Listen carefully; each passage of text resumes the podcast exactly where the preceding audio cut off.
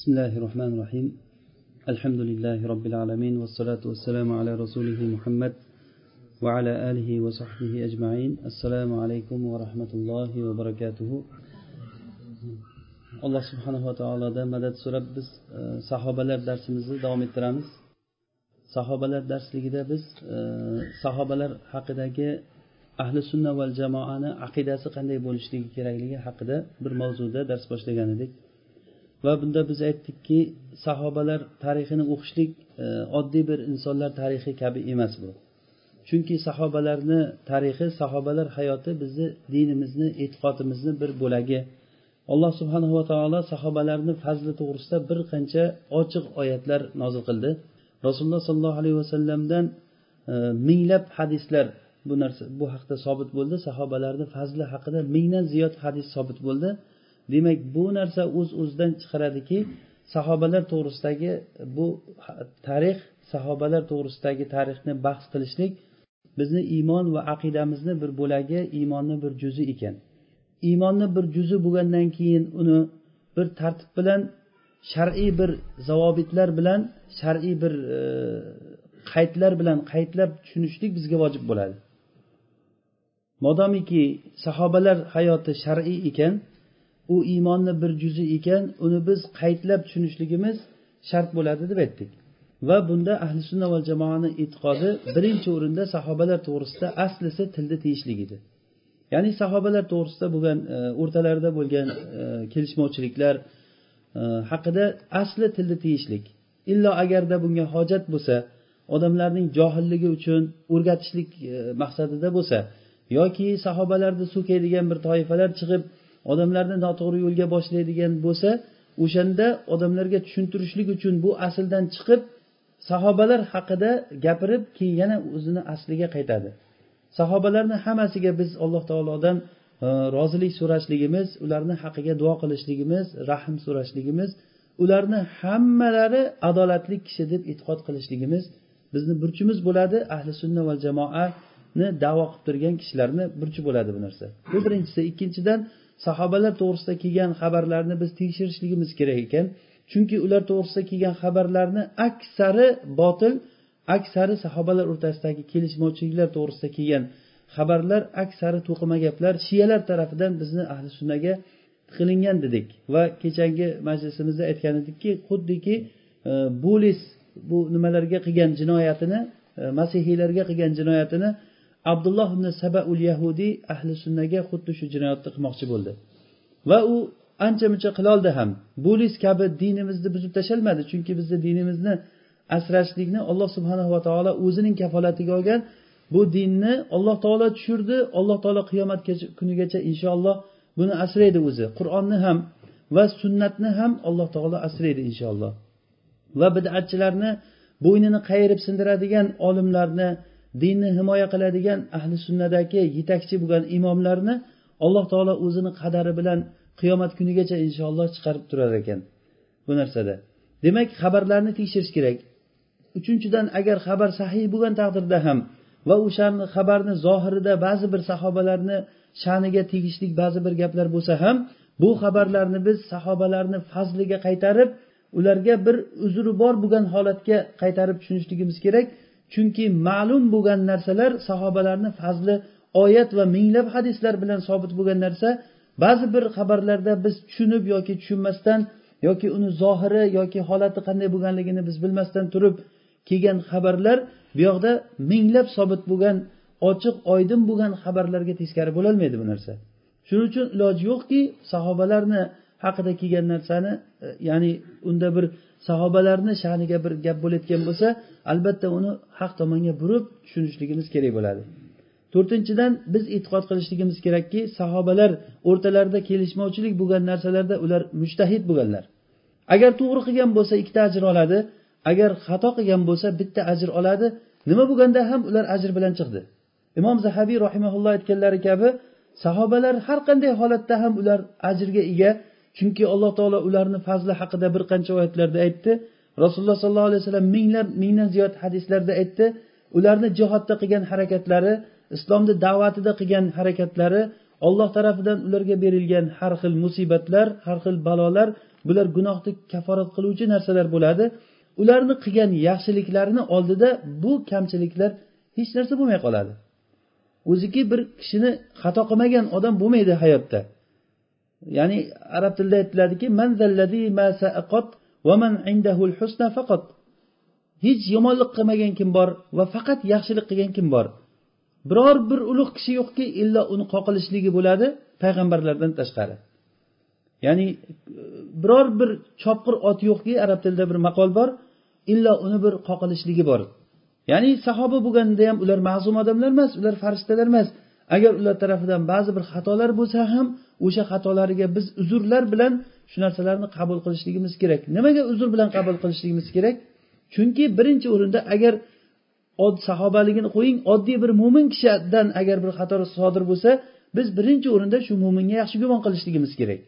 Va shu unaqa bo'lgandir bunaqa bo'lgandir deb unga bir uzr tomoniga qaytarib tushunishligimiz kerak. U mo'min bo'lib ham sahobiy bo'lsa bo'lib ham shunchalik fozil uni haqida shuncha oyat hadislar kelgan odamlar bo'lsa iloji yo'q mana shunday tushunmas tushunmasdan ilojimiz bo'lmaydi. Bu afsuski bu narsa bo'ldi. Kechagi darsimizda biz buni tarixini aytib bergan edik qayerdan chiqqan bular fitnalar nimalardan bo'lgan va bundan kelib chiqib biz muaviya roziyallohu anhuni fazilatlari haqida e, ozroq gapirgan edik muaviya roziyallohu anhuni fazilatidan boshlab yubordik e, o'zi aslida sahobalarni sahobalar deganda birinchi o'rinda ularni imomi abu bakr roziyallohu anhu turadi. Ahli sunna val jamoani ijmo bo'lgan bu aqidasi shu abu bakr roziyallohu anhu. Sahobalar haqida gapirgan kishi birinchi bo'lib turib abu bakr roziyallohu anhudan boshlash kerak. Lekin biz muaviy roziyallohu anhu haqida fazilatlarni gapirdik.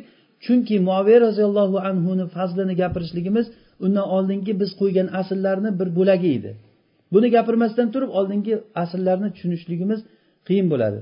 Chunki sahobalarni hammasiga shiyalar tomonidan ahli bidatlar tomonidan sahobalar hammasi so'kilgan e, aksari ya'ni bir uchta to'rtta beshta sahobiy istisno bo'lmasa qolgan sahobalarni hammasini so'kkan lekin ahli sunna bo'lib turib muaviy roziyallohu anhuni fazlini joyiga qo'ymagan kishilar bor.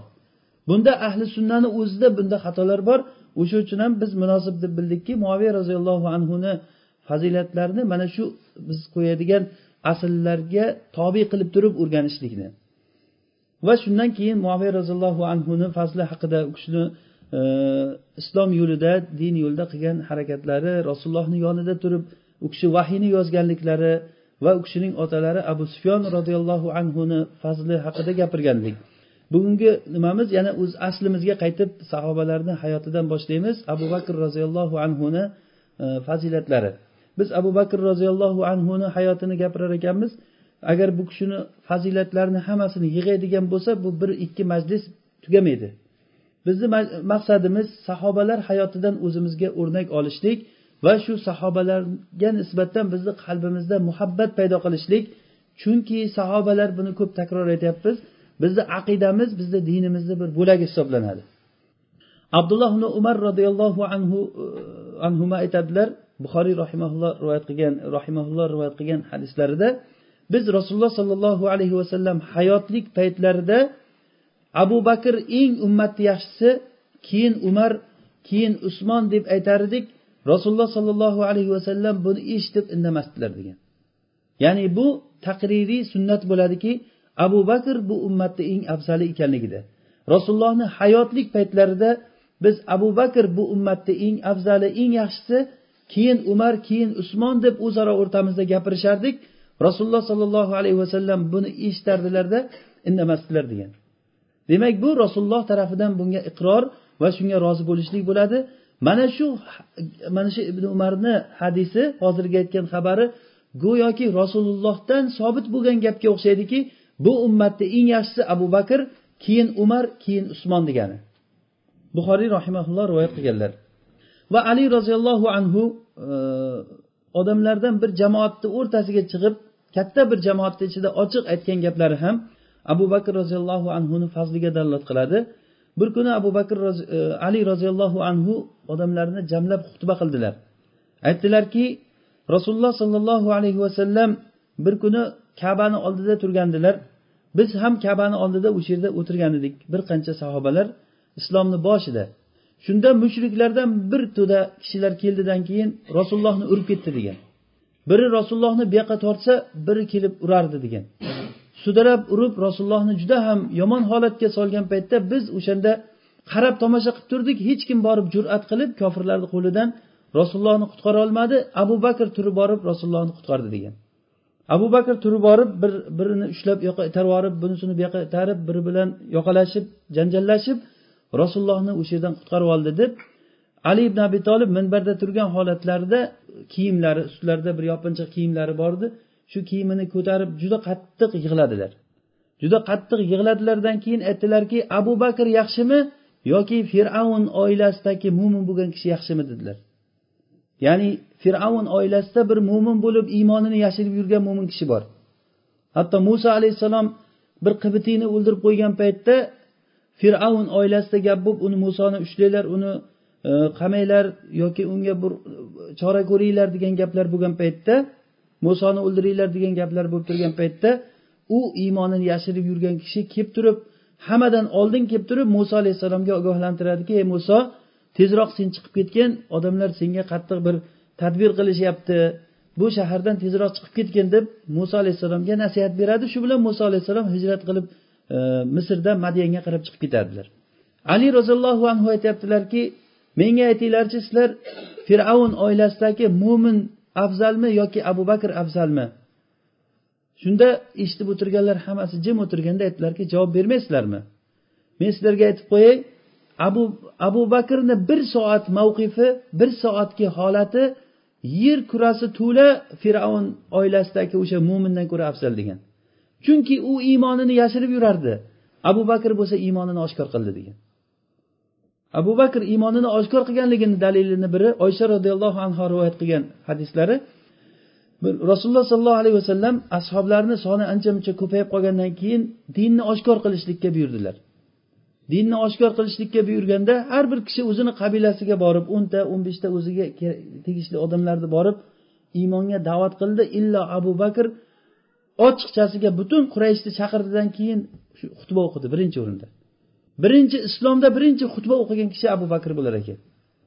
Xutbani eshitgandan keyin odamlar o'sha yerda abu bakrni urib ketdi. Hatto uqbat ibn robia kelib turib abu bakrni betlariga nimasi oyoq kiyimini yechib oyoq kiyimi bilan oyoq kiyimini tagiga ancha qattiq bir matodan bir narsalar yopishtirilgan bo'lgan ekan. Shu bilan abu bakrni yuzini mo'ljallab urgan. Hattoki yuzi bilan burni bilinmay qoldi degan. Shunchalik darajada urib tashladiki hech bir odam uni o'lganligini shak qilmasdi degan.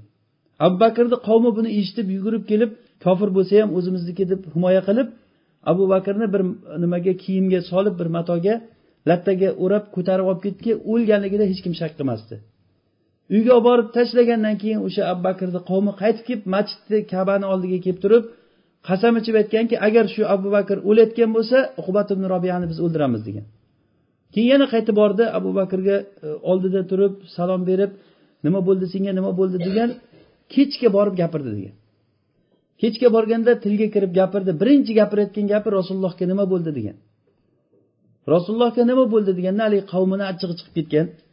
Shuncha sen qiyinchilik chekib turib ham yana gapirayotgan gaping rasululloh deb gapirasan o'zi shu sababli sen shuncha qiyinchilikka tushib turibsan. Dedilarda keyin onasiga aytdiki abu bakrni onasiga bunga bir suv buv bergin qaragin ovqat bergin deb o'zlari nariyoqqa o'tib turgan. Shunda onasi kelib turib oldiga kelgandan yana birinchi gapi abu bakrni rasulullohga nima bo'ldi? degan. Onasi aytgan men bilmayman rasulullohga nima bo'lganligini deganda ummu jamildan so'rang. Ummu jamil bintil hattob umar ibn hattobni singlisi. U musulmon bo'ladi islomini yashirib yurgan bo'ladi. Ummu jamildan borib so'rang aytadi rasulullohga nima bo'lganligini deganda keyin onasi borib ummu jamil chaqiradi. Aytadiki rasulullohga nima bo'ldi? desa rasulullohga nima bo'lganligini men bilmayman deydi. Shunda abu bakr so'rayapti degandan abu bakrni ko'rsak bo'ladimi? deydi. Bo'ladi deb abu bakrni oldiga olib keladi. Keyin abu bakrni holatini ko'rgandan keyin abu bakr aytadi aytaver onamni oldida deydi. Bu iymonini yashirib yurganligi uchun javob bermaydi. Shunda aytadi rasululloh salomat deydi. Rasululloh salomat hozir arqam ibn abil arqamni uyida o'tiribdilar deydi. Shunda alhamdulillah deydidan keyin men biror bir taom va sharob yeyishlik menga harom rasulullohni ko'rmagunimcha deydi. Keyin to'xtab tur bo'lmasa oyoqlar tinchisin deydi kechqurun bo'lib hamma uy uyga kirib qadamlar tinchi bo'lgandan keyin ikkalasi o'sha ummu jamil bilan abu bakrni onasi ikki qo'ltig'idan ko'tarib rasulullohni oldiga olib boradi. Rasulullohni oldiga kirganlarida rasululloh sollallohu alayhi vasallam abu bakrni ko'rib quchoqlab hamma sahobalar quchoqlab rasululloh sollallohu alayhi vasallam o'pib abu bakr bilan juda xursand bo'lib turib nima bo'ldi senga hech narsa qilmadimi? deganlarida yo'q faqat shu yuzimdagi ozroq yirtig'ini hisob qilmasak boshqa hech narsa qilgan yo'q deydi. Keyin aytadilarki rasululloh siz muborak kishisiz onamni haqqiga duo qiling islomga kelsin. Onam juda ham menga ko'p yaxshiligi ko'p deydi.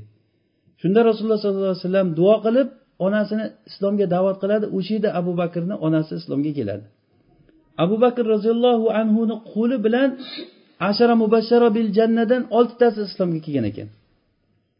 Ashara mubashara bil jannada ya'ni jannatdan bashorat berilgan hayotligida jannatiysan deb aytilingan sahobalardan o'ntasi o'ntasidan oltitasi abu bakr o'zi yettinchisi. Oltitasi abu bakrni qo'liga ko'ra iymonga kelgan. Bu narsa bu kishini shuncha juda ham katta bir fozil kishi ekanligi yer o'sha rasululloh da'vat qilgan paytlaridan boshlab birinchi bu islomga kirgan erkak kishi abu bakr roziyallohu anhu bo'ladi. Birinchi xutba qilgan kishi abu bakr bo'ladi. Rasululloh bilan birinchi namoz o'qigan kishi abu bakr bo'lar ekan. Rasulullohga imom o'tib oxirgi namoz o'qigan kishi ham abu bakr roziyallohu anhu bo'ladi. Bunga bu kishini fazliga ummat ijmo kelgan sahobalardan muhojiru ansorlardan birorta kishi abu bakr deganda xilof qilmagan. Shunchalik darajada alloh taolo uchun haqiqiy sodiq turgan siddiq degan nomni olgan kishi bo'lgan ekan bu kishi. Umar ibn hattob roziyallohu anhu saqifa kunida ya'ni yavmi saqifa kuni rasululloh sollallohu alayhi vasallam sad ibn ubodani saqifasi rasululloh sollallohu alayhi vasallam dunyodan o'tgan kunlarida ansorlar bilan muhojirlar shunda ozroq ixtiloflashib qolishdi. Ansorlar aytishardiki bizdan amir bo'ladi sizlardan ham amir bo'lsin. Chunki rasululloh sollallohu alayhi vasallam qaysi bir joyga bir muhojirlarni amr qilsa ansorlardan ham bir joyga amr qilardi. Ansorlarni ham muhojirlarni ham rasululloh teng ko'rardilar. Demak ansor bilan muhojirlar teng boshqaradi bu narsani. Degan paytda umar ibn hattob turib aytadiki sizlar bilasizlar rasululloh sollallohu alayhi vasallam abu bakrga hech kimni teng qilmasligini. Nimaga bilib turibsizlar bu gapni gapiryapsizlar deganda hech bir kishi qaytarib javob berilmagan. Rasululloh sizlarni namozlaringga unga rozi bo'ldi degan. Ya'ni rasululloh kasal bo'lib yotgan paytlarida abu bakrga buyuringlar odamlarga imom o'tib namoz o'qib bersin deganlar abu bakr chiqib namoz o'qib berib turgan rasululloh dunyodan o'tganlaricha mana shu holatga rasululloh sollallohu alayhi vasallam rozi bo'lganlar. Rasululloh bizni dinimizga unga rozi bo'ldiku dunyomiz uchun rozi bo'lmaymizmi? deganlarida ansoru muhojirlardan hech bir kishi u kishiga qayta javob qaytarolmagan. Va mana shu bilan ollohni fazli bilan ansorlarni ham qalbi ochilib abu bakrga bayat qilgan abu bakrdan boshqa kishi boshqa bir kishi abu bakrni oldida loyiq emas edi. Hattoki umarga bayat qilamiz degan paytda umar aytgan ekanki nima deyapsizlar? Sizlar hattoki men abu bakr turgan jamoatni oldidan o'tib ketishligim meni boshim olinishligidan ko'ra yomonroq degan. Ya'ni meni boshim ketishligi bundan ko'ra yaxshiroq degan. Hech qachon abu bakr turgan jamoatdan men oldinga o'tmayman degan ekan. Hattoki bu kishi abu bakr roziyallohu anhu johiliyat paytida ham odamlarni yaxshisi bo'lgan ekan. Rasululloh sollallohu alayhi vasallam aytadilar xiyarukum fil islam xiyarukum fil jahiliya. Ya'ni johiliyatdagi xiyarukum fil jahiliya xiyarukum fil islami ida faquhu au ida faqihu. Sizlarni johiliyatda kim yaxshi inson bo'lgan bo'lsa islomga kirgandan keyin ham agar dinni yaxshi tushunsa o'sha kishi yaxshi odam bo'ladi deganlar. Eng yaxshi odamlarni yaxshisi shu bo'ladi degan. Bu odam abu bakr edi. Chunki bu kishi johiliyat paytida ham aroq ichmagan ekan.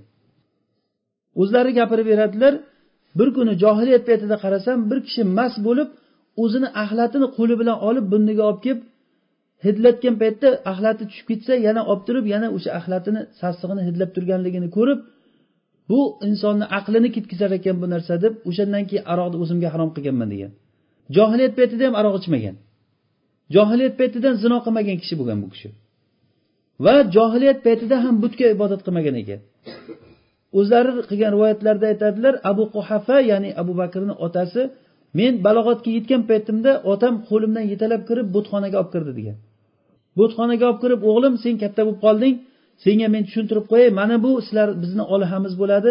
Ota bobolarimiz shunga ibodat qilib kelgan shu bizni olihamiz bo'ladi deb shu shular shularga sig'inishing kerak deb chiqib ketdi degan. Otam chiqib ketgandan keyin butta oldiga borib turib qornim och ovqat ber deb aytdim degan. Ustimda kiyimim yo'q kiyim bergin deb aytdim. Indamay turganimda achchig'im kelibdan keyin oldimda bir tosh turuvdi oldimdan keyin bir uruvdim qulab ketdi degan. Yuzi bilan yerga yiqildi degan. Johiliyat paytidagi qilgan ishlari bu. O'sha uchun ham u kishini islomga chaqirgan paytda rasululloh sollallohu alayhi vasallam birorta odam abu bakrday tez islomga kirmagan. Chaqirgandan birdan kirgan. Rasululloh aytadilarki kimniki men islomga da'vat qilgan bo'lsam unda bir qoqilish bo'ldi illa abu bakr degan. Birov o'ylab ham ko'rmagan. Shunday rasululloh da'vat qilgan paytlarida da'vatga javob berdilar. Mana bu narsa u kishining qanchalik darajada aqllik va fikrlik e, qalbi oldindan o'zi johiliyat paytidan qalbi ochiq inson ekanligiga dalolat bu. Abu dardo roziyallohu anhu rivoyat qilgan hadislari buxoriy rivoyat qilgan buni. Aytadilarki bir kuni men rasululloh sollallohu alayhi vasallamni oldilarida o'tirganimda abu bakr g'azablanib kiyimlarini ko'tarib tizzasigacha kiyimi e, nimasi ko'ylagini tizzasigacha ko'targan holatda kirib qoldi degan. Shunda rasululloh qarab bu sohiblaring g'azablangan ko'rinadi. Nimadandir achchig'i keldi buni deb qo'yadilar. Shunda abu bakr bir chekkaga borib hech kimga gapirmasdan o'tiradi. Bu voqea shunday bo'ladiki abu bakr bilan umar o'rtasida bir kelishmovchilik bo'lib qoladi. Abu bakr keyin umarga qattiq gapirgandan umar xafa bo'lib qoladi. Xafa bo'lgandan bo'ldi kechirgin meni desa umar gapirmaydi kechirmayman deydi. Kechirgin deb orqasidan yalinib borsa umar ketar teskari qarab ketadi. Umarni orqasidan boradi hatto uyga kirib ketib eshikni yopib qo'yadi abu bakrni yuziga. Shunda abu bakr achchig'i keladidan keyin masjidga kelib rasulullohni oldiga kelib o'tirganda keyin umar o'ziga kelib turib men bekor qildim abu bakrni xafa qildim deb chiqib abu bakrni uyiga keladi. Abu bakr uydan so'rasa yo'q deydilar keyin masjidga keladi. Masjidga kelganda rasululloh sollallohu alayhi vasallam o'sha yerda o'tirgan bo'ladilar abu bakr ham shu yerda bo'ladi. Nima bo'ldi degandan keyin mana shu voqea bo'ldi deganda rasulullohni yuzlari qizarib o'zgarib ketdi degan. Shu paytda minbarga chiqib xutba qilib aytdilarki sizlarni men ollohga da'vat qilgan paytimda hammalaring meni yolg'onchisan dedinglar abu bakr meni to'g'ri gapiryapsan dedi. Abu bakr menga moli bilan joni bilan meni menga yordam berdi degan. Vallohi hech kimni moli abu bakrni molichalik menga foydali bo'lmadi deganlar. Abu bakr islomga kirgan paytda qirq ming dinor puli bo'lgan ekan. qirq ming dinor. Bu qirq ming dinorni agar bu e, nimada siyar alam nimalarda e, nima zahabiy rahimalloh keltirgan ekan qirq ming dinorni agar hozirgi kunda tillosini hisoblasak bu bir yuz yetmish kilo atrofida tilla bo'ladi. Bir yuz yetmish kilogramm atrofida tilla bo'ladi. Buni hammasini olloh yo'lida sarflagan bu kishi. Bu birodarimni menga qo'yasizlarmi yo'qmi deb turib rasululloh gapirganlarida o'shandan keyin abu bakr hech ozorlanmadi degan. Hech kim abu bakr to'g'risida boshqa biror bir gapirmaydigan bo'ldi degan. Hattoki rasulullohni bu aytgan gaplari kimga? Umarday odamga gapiryapti bu gapni. Umar abu bakrdan keyingi ummatni ikkinchi bo'lgan kishisi o'shanday kishiga shunday qattiq gapirganlar. O'shandan keyin bu kishi umuman e, hech kim tarafidan ozorlanmadi degan. Mana bu ham rasulullohni qalblarida bu kishi qanchalik darajada o'rin egallaganligi. Bir qancha hadislardan sobit bo'lgan kelib turib ey rasululloh kimni yaxshi ko'rasiz? deganda abu bakrni deganlar. Abu bakrni yaxshi ko'radi ba'zilar so'ragan ey rasululloh kimni yaxshi ko'rasiz? deganda oyshani degan ekanlar. Yo'q erkaklardan so'rayapman deganda otasini deganlar. Ya'ni bu narsa sahobalar ichida hech bir e, maxfiy bo'lmagan narsa edi. Rasulullohdek kishi butun koinotni sarvari sayyid sayyid bani adam shu kishini qalbida eng suyukli kishi abu bakr roziyallohu anhu bo'lgan. Bu nima uchun bu? Bu o'zidan o'zi abu bakrlik uchun emas bu. Bu kishiga shunday alloh taolo fazilatlarni xulqlarni berdiki bu narsani u kishi hayotda fe'lan shu narsani ko'rsatib berdilar. Hozir bu kishini bir katta bir mavqifini inshaalloh zikr qilamiz. Eng katta abu bakr roziyallohu anhuni tarixida zikr qilinadigan ishlardan biri. Rasululloh sollallohu alayhi vasallamni oldilariga bir ayol kelib bir hojatini so'raganda rasululloh sollallohu alayhi vasallam hojatlarini bergan. Keyin boshqa safar yana kelgin deganlarida kelganimda sizni topolmay qolsam nima bo'ladi degan haligi ayol. Go'yoki u rasulullohni o'limiga ishora qilib aytgan. Ya'ni kelsam siz o'lgan bo'lsangiz nima qilay deganda men o'lgan bo'lsam abu bakrga uchrash degan. Mana bu gap ham rasulullohni gaplari men o'lgan bo'lsam abu bakrga uchragin degan gaplari ishora ulamolar aytishadiki bu ham ochiq ishoraki bu narsa. Mendan keyin abu bakr meni o'rnimga qoladi degani bu. Rasululloh sollallohu alayhi vasallam kasal bo'lib e, betob bo'lib yotgan paytlarida o'lim kasalida. Shunda aytadilarki odamlarga buyuringlar e, nima abu bakrga aytinglar abu bakr imom o'tib bersin namozga deydilar. O'shanda abu bakr yo'q bo'lgan. Yo'q bo'lsa ham o'sha shu yerda borlaringdan bittalaring imom o'tinglar demadilar. Bo'lmasa yerda imomatlikka loyiq hammasi imom edi ular. Sahobalarni hammasi qur'on o'qiydigan hofiz hammalari imom bo'lishlikka layoqatli odamlar edi umar bor edi o'sha yerda sahobalar bor edi abu bakr yo'q bo'lsa ham abu bakrni topib aytinglar imom o'tib bersin degan. Shunda abdulloh ibn zama chiqib abu bakrni topolmaydi qarasa umar o'tirgan bo'ladi. Ey umar imom namoz o'qib bergin rasululloh betob ekanlar sen namoz o'qib bergin degan umarga. Shunda umar chiqib turib namozga o'tib ollohu akbar deganda juda qattiq ovozda aytadi chunki umarni ovozi qattiq bo'lgan. Ovoz gapirsa u kishini gapini hamma eshitgan. Ollohu akbar degandan keyin rasululloh ichkarida turib eshitib umar imom o'tyaptiku men abu bakr dedim kishilarga degan. O'sha namozdan keyin abu bakrdan boshqa odam imom o'tmagan. Mana bu ham ochiqchasiga rasululloh sollallohu alayhi vasallam tarafidan imom namozga imom o'tishlik abu bakrni haqqi deganliklari namozgaki imom o'tyaptimi boshqa bu diniy dunyoviy narsalarga birinchi o'rinda haqli kishi abu bakr roziyallohu anhu bo'ladi degani bu. Alloh subhanahu va taolo o'zini dinini butun dinlardan zohir qilishlik uchun islom dini bilan rasululloh sollallohu alayhi vasallamni yubordi. Bu dinni rasulullohdan olib boshqa dinlar ustida ustun holatda ko'tarib ketayotgan kishilar sahobalar bo'ladi bu. Biz bu narsani sahobalar darsligimizni boshida kirish qism qilib aytdik. Shunchalik bir qiyinchiliklarda. Bu da'vat ishi hazil narsa emas bu. Da'vat ishi siz molingizdan joningizdan vaqtingizdan hayotingizdagi eng lazzatli eng yaxshi narsalardan kechishligingiz kerak. Sahobalar mana shunday qildi. Ular yurtlarini tashlab olloh yo'lida chiqib ketib da'vatga odamlarga islom o'rgatishlikka butun yer yuziga tarqalib ketdi ular. Hayotini mana shu narsaga ular atadi. Ular so'rilarni ustida hurmat izzatda o'ting domla yeng domla oling domla deb qo'liga pul qistirib chiqib ketishdi qo'ltig'iga tuyuncha qistirilgan jamoatlarda da'vat qilmagan sahobalar. Ular yalinib yurib odamlarga borib da'vat qilib orqalaridan mana shular orqali mana bizni o'lkalarga islom yetib bordi. Bu hech kimga maxfiy narsa emas bu. Shu qiyinchiliklar bu da'vatni orqasidan o'ziga yarasha qiyinchiliklar keladi. Mana shu qiyinchiliklarga sabr qiladigan ummat o'laroq alloh taolo shu sahobalarni tanladi. Lekin shunday sahobalar ham joyi kelgan paytda hech kim sabr qila olmaydigan bir holatda bir abu bakr roziyallohu anhu o'sha yerda sobit tura oldi. Bu holat rasululloh sollallohu alayhi vasallamni dunyodan o'tishliklarini holati bo'ladi. Anas roziyallohu anhu aytadilar rasululloh sollallohu alayhi vasallam madinaga kirgan paytlarida madina yorishib ketdi degan. Rasululloh dunyodan o'tgan kunlarda madina zulmatga aylanib qoldi degan. Hatto biz rasulullohni borib qabrga qo'yib tuproqdan qo'limizni qoqqan paytimizda qalbimizni o'zimiz tanimasdik degan. Ya'ni sahobalarni siz tasavvur qiling rasulullohga qanchalik darajada bog'lanib qolganligi. Xuddiki yosh bola onasiga qanchalik darajada o'rganib qolgan bo'lsa sahobalar rasulullohga shunchalik o'rganib qolgan edi. Har bir holatida rasulullohni izlardi ular.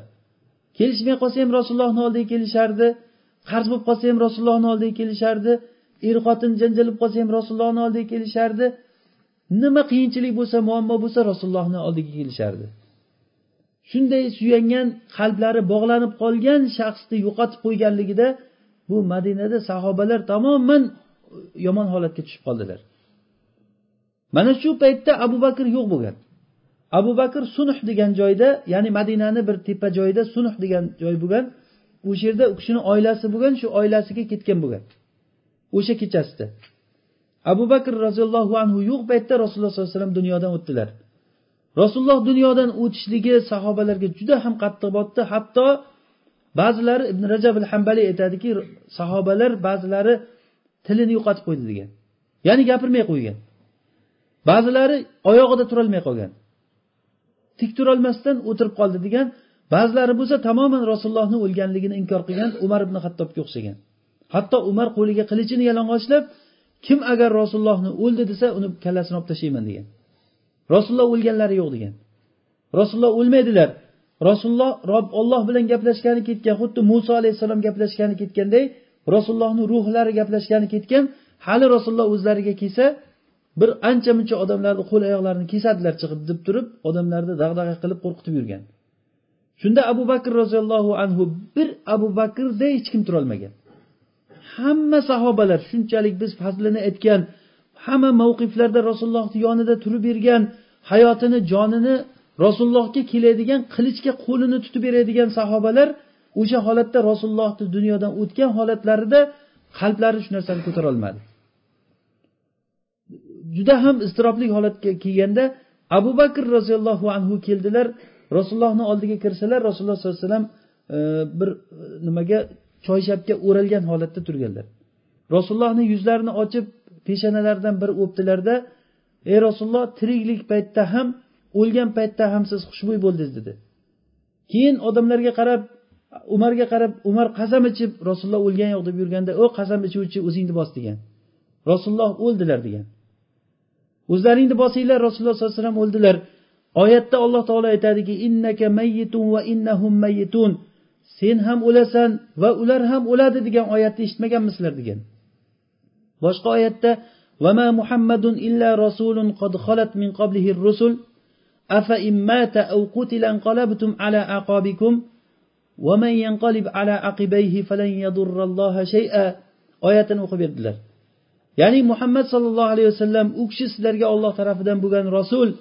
Agarda muhammad sallallohu alayhi vasallam o'lsa yoki o'ldirilsa sizlar dinlaringni tashlab ketasizlarmi orqaga? degan oyatni o'qib berdilar. Kimki ollohga ibodat qilayotgan bo'lsa alloh taolo tirik zotdir. Kimki muhammadga ibodat qilayotgan bo'lsa muhammad o'ldi dedilar.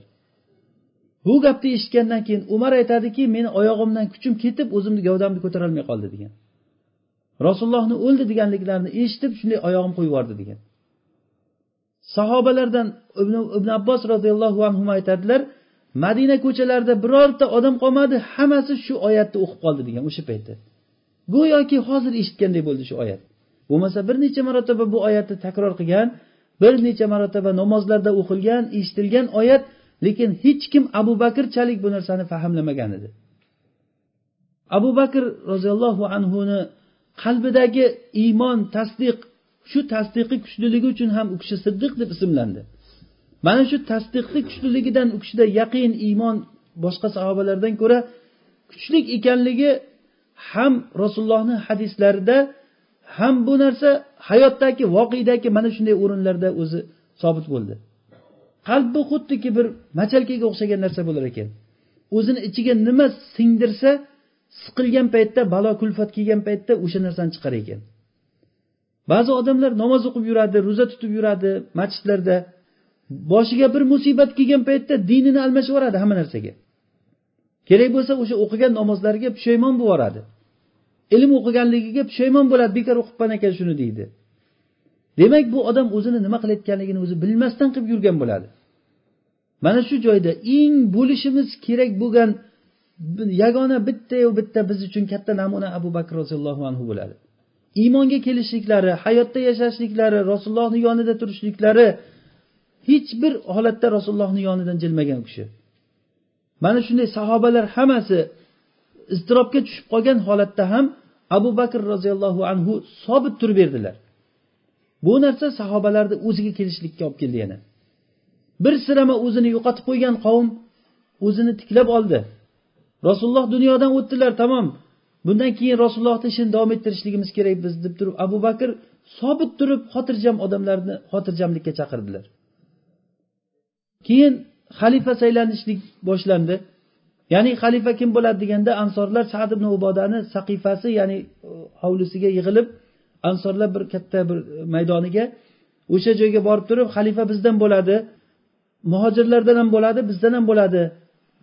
Deb turib gapirib turgan o'rinlarida bir kishi umar ibn hattobga kelib turib tezroq borib turib sizlar e, bu masalani hal qilmasalaring fitnaga aylanadi degan. Shunda umar bilan abu bakr tezlik bilan chiqib bordi. Umar aytadiki men o'shanda o'zimcha bir ba'zi bir gaplarni tayyorlab bordim ichimda. Mana bunday deb aytaman bunday deb aytaman deb ichimda ko'p gaplarni tayyorlab bordim. Borgandan keyin ansorlarni ichiga kirib turib to'xtanglar men gapiraman deb chiqishimdan abu bakr umar o'tir deb aytdi degan. Qarasam abu bakrni yuzidagi vajohatida o'tirib qoldim degan. Abu bakr o'zi zaif kishi bo'lgan. Umarni oldida ancha zaif bo'lgan gavdasi. Lekin bu kishini vajohatidan umar aytadiki abu bakrni yuziga qaradimda o'tir degandan o'tirib qoldim degan. Abu bakr chiqdidan keyin nima xutba qilishni boshladi degan. Ey ansorlar sizlar olloh rozi bo'lsin olloh yo'lida shuncha ish qildilaring. Sizlar vazirsizlar biz amirmiz degan. Arablar rasululloh ham arablar ham bizga rozi bo'ladi degan. Chunki oldindan quraysh bu odamlarga butun arablarga markaz bo'lib kelgan odamlar qurayshga ergashgan.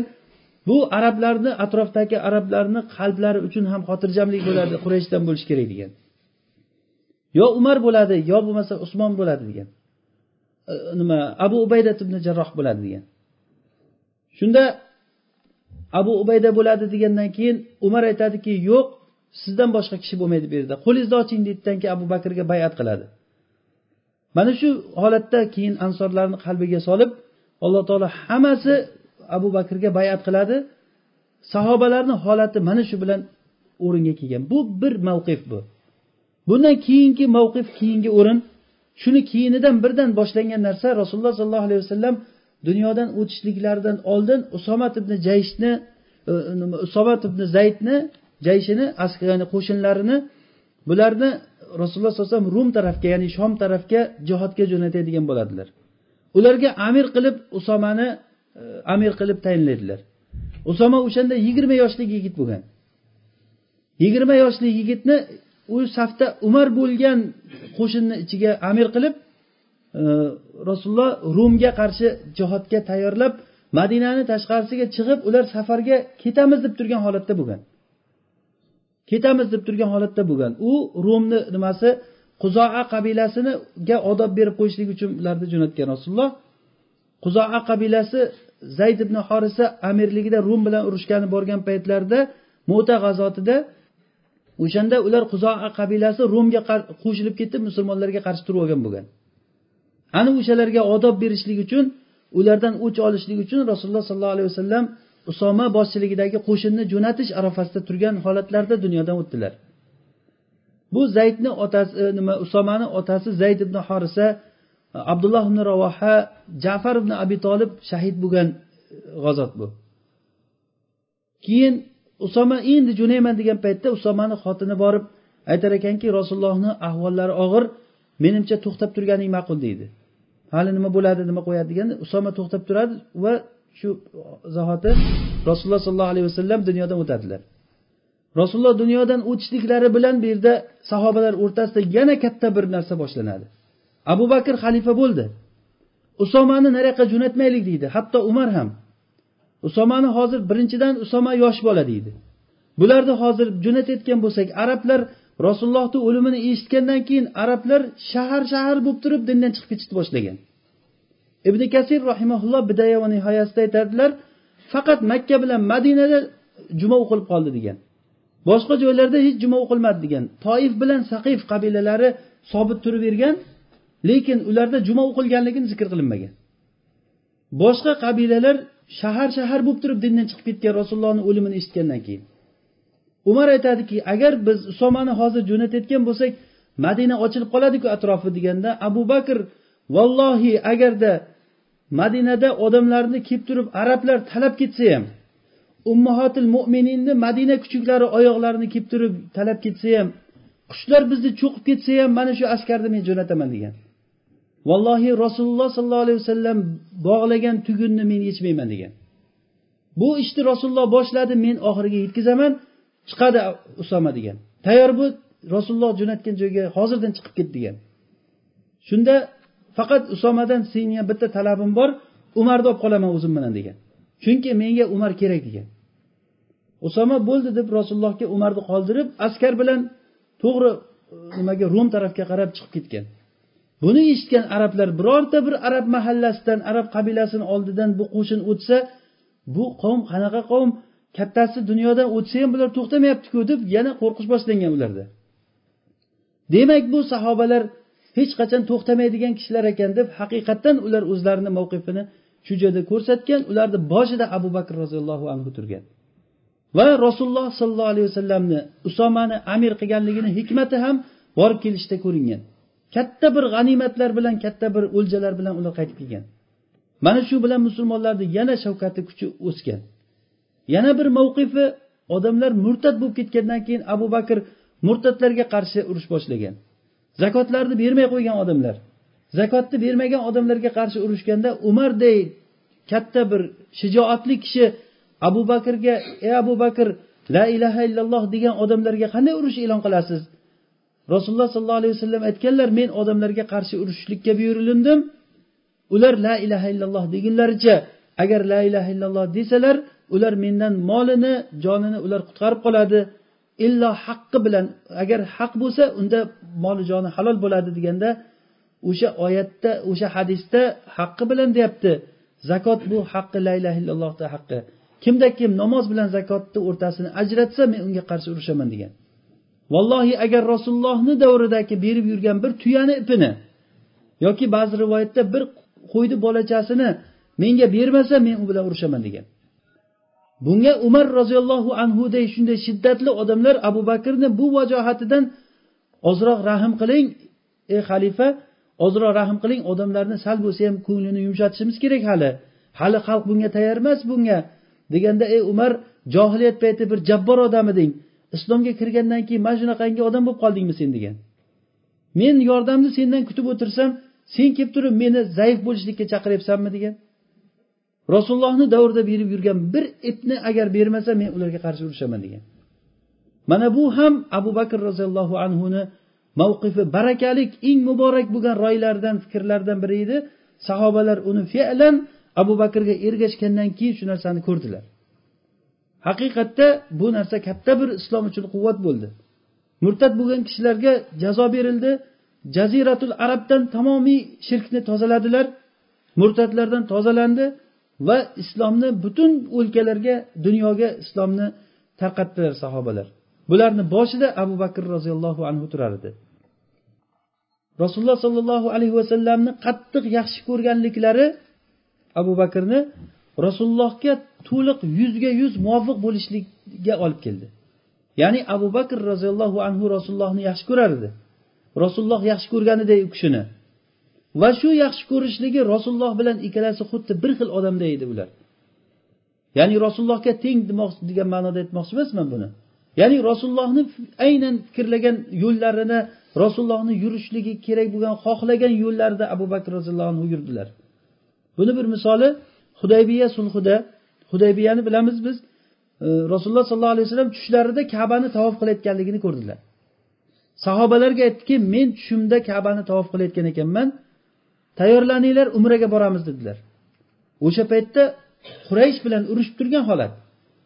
Lekin o'shanday bo'lsa ham umraga deb shahrul haromda umraga deb kelgan odam arablarni qoidasi bo'yicha ham hech kim ularni baytdan ollohni baytidan man qilishlikka haqqi yo'q edi. Bu o'zlarini qoidasi bo'yicha shunday edi. Rasululloh bir yarim mingga yaqin bir ming to'rt yuztadan ziyod sahobiylar bilan umraga ehrom bog'lagan holatda umraga chiqdilar. Hudaybiyaga kelgan paytda hudaybiya makkaga kirishda o'sha haram e, nimasida chegarasidagi joy. E, hudaybiyaga kelgan paytda quraysh rasulullohni man qildi kirishlikdan. Agar kirsanglar urush bo'ladi dedi kirmanglar dedi. Shunda e, rasululloh to'xtab qoldilar. O'rtada elchilar orqali gaplashish boshlandi. Qisqasi o'sha joyda rasululloh bilan quraysh o'rtasida sulh yozilgan.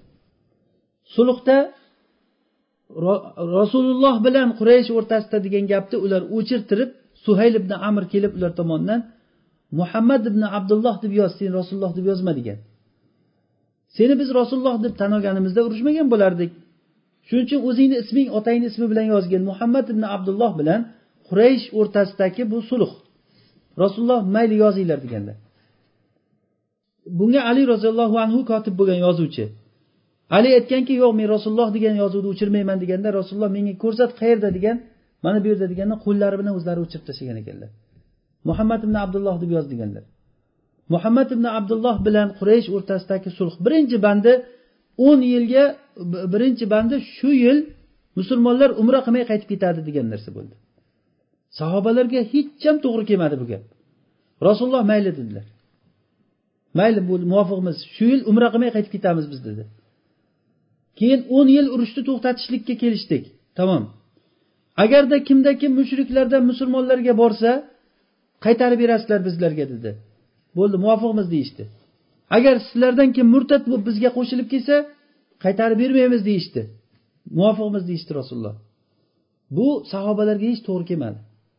Hattoki umar rasulullohni oldiga borib ey rasululloh siz haq rasulmisiz? degan ha dedilar. Biz haq dindamizmi deganda ha degan. Mana ular najas kofirlar mushriklarmi bular deganda ha degan. Nimaga bo'lmasa dinda bo'lib haqda bo'lib turib bularga biz rozi bo'lyapmiz aytgan gapiga degan. Hech qaysiga rozi bo'lmaymiz bularga degan. O'shanda rasululloh aytdilarki men ollohni rasuliman. Men ollohga hech qachon osiy bo'lmayman. Alloh taolo menga albatta yordam beradi. Men senga umra qilamiz deganimda shu yil deb aytganim yo'qku deganlar. Shunda ko'rdim umra qilayotganligimizni dedilar rasululloh. Inshaalloh sen albatta umra qilasan xotirjam bugun dedilar. Lekin shu yil umra qilasan deb aytganim yo'qku dedilar. Umar shu yerda burilib ketib keyin abu bakrni oldiga borib turib ey abu bakr rasululloh haq dindami deganlarida ha dedilar. Biz dinimiz haqda turibmizmi? deganda ha mana bu mushriklar noto'g'ri yo'ldagi mushrik bo'lgan adashgan odamlarmi? deganda ha dedilar. Bo'lmasa nimaga biz dinda turib turib bunday bir xorlikka rozi bo'lyapmiz? Deganda abu bakr tamoman rasulullohni aytgan gaplarini aytib berdi. Ey umar degan rasulullohga ergash dedi. Rasululloh ollohni rasuli alloh taolo albatta rasulullohga yordam beradi. Rasululloh senga aytganlari yo'qku shu yil umra qilasan deb dedilar. Mana shu gapni rasululloh sollallohu alayhi vasallam ham aytgan edi. Abu bakr o'shanda umardek kishilar qalbi ko'tarolmagan narsani abu bakr tamomiy rasulullohni gaplarini aytib berdi. Mana bu ham abu bakrni katta bir mavqiflaridan biri bo'ladi. Ya'ni sahobalarda hech bir kishini qalbiga ko'tarolmaydigan qiyin holat kelib qolgan paytda hatto bir o'zi bo'lsa ham unda rasululloh bor edi bularni ichida. Rasululloh vafot etgan kunlarida abu bakrni bir o'zi qolgan.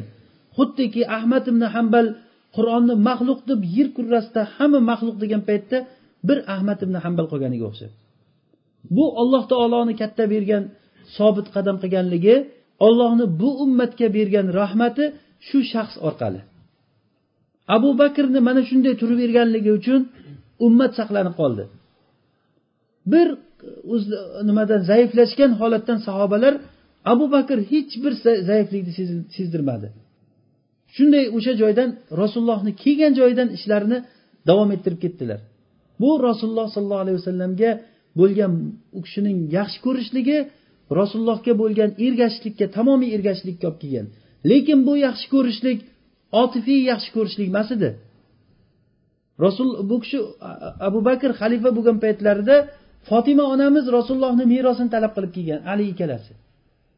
Fotima onamiz kelgan bilasizlar fotima man huva fatima? Man hiya fatima? Rasulullohni qizlari rasulullohni qalbi hatto abu bakr aytgandiki vallohi rasulullohni qarobati qarindoshlari menga qalbimga o'zimni qarindoshlarimdan yaqin derdi. Rasulullohni qarindoshlariga men o'zimnikilardan birinchi o'rinda yaxshilik qilaman degan edi fotima kelib turib merosini talab qilganda senga meros berilmaydi dedi. Fotima onamizga juda qattiq og'ir botdi bu. Nimaga dedi. Fadak yerlarida rasulullohni sadaqa yerlari bor edi. O'zlariga xos yer. O'sha yerdan chiqqan hosilidan rasululloh ayollariga e, nima berib turardilar nafaqa. Keyin u fotima o'sha joydan meni rasulullohni bitta qizi o'zi.